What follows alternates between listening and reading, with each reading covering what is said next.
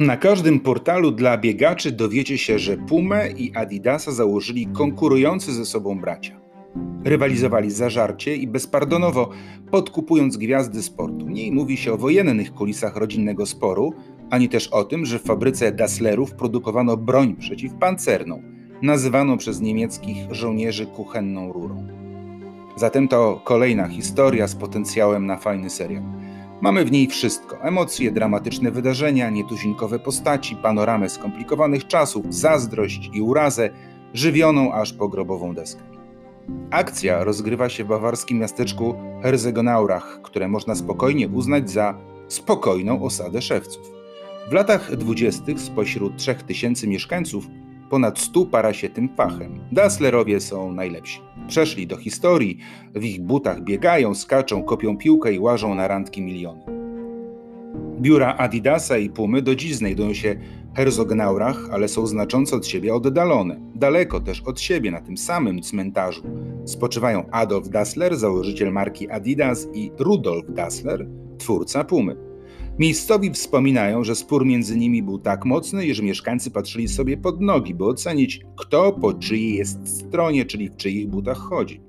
W miasteczku trenowały, a może też nadal trenują, dwie drużyny. ASV Herzogenaurach wspierana przez Adidasa i Ein FCG Herzogenaurach finansowana przez Pumę. Wyjątkowa sytuacja, przecież początki obuwniczego biznesu były wspólne, familijne, wręcz wzorowe, jak przystało na rodzinę z rzemieślniczymi tradycjami. Jak to się zaczęło? Zaczęło się z końcem I wojny światowej. Adolf i Rudolf zakładają Gebrider Dassler Schuhfabrik. Szyją buty i są w tym dobrzy. Adolf jest młodszy i ma smykałkę do majsterkowania. Gdy brakuje prądu, konstruuje frezarkę napędzaną rowerem. Buty szyje z tego, co znajdzie, a że po wojnie pozostało sporo niepotrzebnego wojskowego wyposażenia, sięga po skórzane chlebaki, plecaki, paski, jedwab ze spadochronów. Z niego szyje kapcie. Rudolf zajmuje się zarządzaniem firmy. Sprawdza się i uważa się też za jej szefa. Wspomina się jeszcze o trzecim bracie Fricu, ale o jego szewskiej pasji niewiele wiadomo. Bratom, braciom pomaga siostra Maria. Mieszkają razem z rodzicami w jednym domu. Biznes krzepnie. Fama o Dasslerach niesie się daleko. W ich fabryce produkowane są buty piłkarskie z podeszwami nabitymi ćwiekami. To nowum. Kolce w obuwiu lekkoatletycznym to jedno z najważniejszych udoskonaleń autorstwa Adolfa. Sprawdzają się fenomenalnie. Sportowcy, którzy z nich korzystają, wygrywają zawody, np. słynny Jesse Owens, który wraca do Stanów z czterema złotymi medalami zdobytymi w Berlinie. Adolf specjalnie się z nim spotkał, by przekazać mu wyprodukowaną dla niego parę butów. Gdy inny Adolf dochodzi do władzy w Niemczech w 1933 roku, kraj dostaje fioła na punkcie tężyzny fizycznej. Kanclerz III Rzeszy postrzega masowy sport jako narzędzie mobilizacji i dyscyplinowania społeczeństwa. Hard ducha i ciała to ulubiony motyw propagandowy każdego autokraty i militarysty – nie od dzisiaj, nie od wczoraj. Tak było zawsze. Jeszcze w maju 1933 roku Fritz, Rudolf i Adolf wstępują w szeregi NSDAP. Adolf jest sportowo i ideowo najbardziej zaangażowany. Trenuje drużyny Hitlerjugend. Gdy zerknie się do firmowej korespondencji z tego czasu, bracia piszą do siebie, kończąc zwyczajowo list nazistowskim pozdrowieniem Hej Hitler. Podczas wojny w fabryce produkują kolekcje butów Kampf i Blitz. Zresztą ta nazwa pojawia się później na sneakersach z trzema paskami Adidasa. Wymowne, a może mnie się tylko tak wydaje.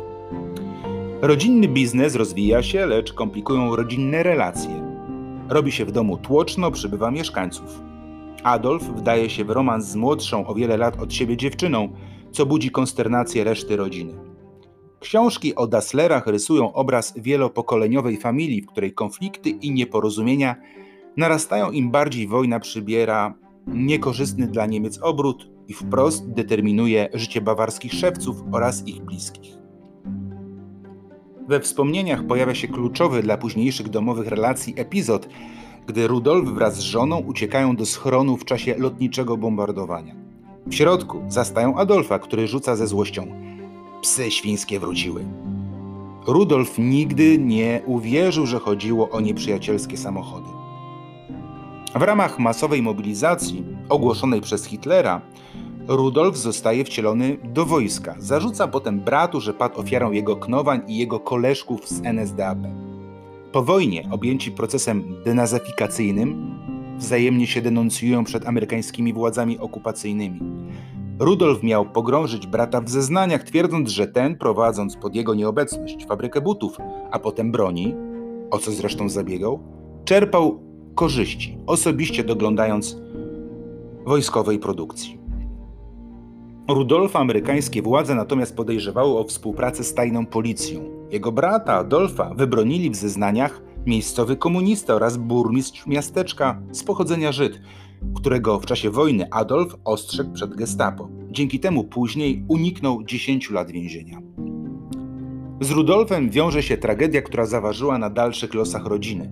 Gdy zarządzał zakładem, nie zgodził się przyjąć do pracy dwóch synów siostry Marii. Nie uniknęli więc mobilizacji, zostali wcieleni do wojska, zginęli na froncie. W 1944 roku zakład Dasslerów przekształcono w wytwórnię granatników przeciwpancernych Panzerschreck. Zamiast szyć i kleić, pracownicy nitowali i skręcali. Niemieccy żołnierze ochrzcili rakietową wyrzutnię mianem kuchennej rury. Była postrachem czołgistów i zdaniem niektórych historyków mogła mieć większy wpływ na przebieg wojny, gdyby wcześniej wyposażono w nią niemiecką piechotę. Sęk w tym, że Panzerschreck był rozwinięciem amerykańskiej bazuki. Jej egzemplarz wpadł w ręce Niemcom dopiero podczas walk w Tunezji 1943 roku. Rudolf, korzystając ze swoich kontaktów z Luftwaffe, próbował przekonać władze do porzucenia produkcji rakietnic i zawarcia nowego, intratnego, rządowego kontraktu na, na produkcję wojskowego obuwia.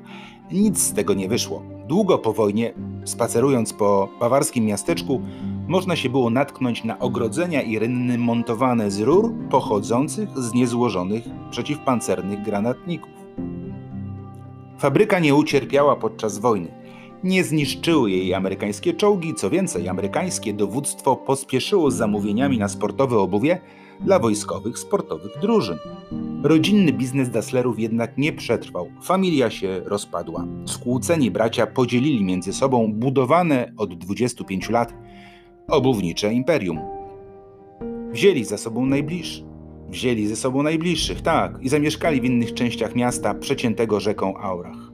Nigdy więcej się do siebie nie odezwali. Adolf ciągle coś kombinował. Powołał do życia firmę Adidas. Wymyślił słynne trzy paski. Rudolf nie odpuszczał i wpadł na pomysł, by założyć firmę Ruda, ale zmienił zdanie i wybrał Pumę. Przez resztę życia rywalizują ze sobą o uznanie, pieniądze i sportowców. W relacji dla Financial Times z Igrzysk Olimpijskich w Tokio w 1964 roku pewien dziennikarz wspomina wypowiedź zawodnika. Pamiętam historię jak z Jamesa Bonda i kryminałów. Agent obuwniczy idzie za mną do łazienki, zostawia, zostawia kopertę z pieniędzmi pod kabiną. Tak to wyglądało. Puma kontra Adidas, aż do śmierci. Zdaniem historyka opisującego oficjalną biografię twórcy marki Puma, bracia pojednali się na tajnym spotkaniu pod koniec życia, ale zabronili o tym mówić, bo to mogło zaszkodzić ich interesom.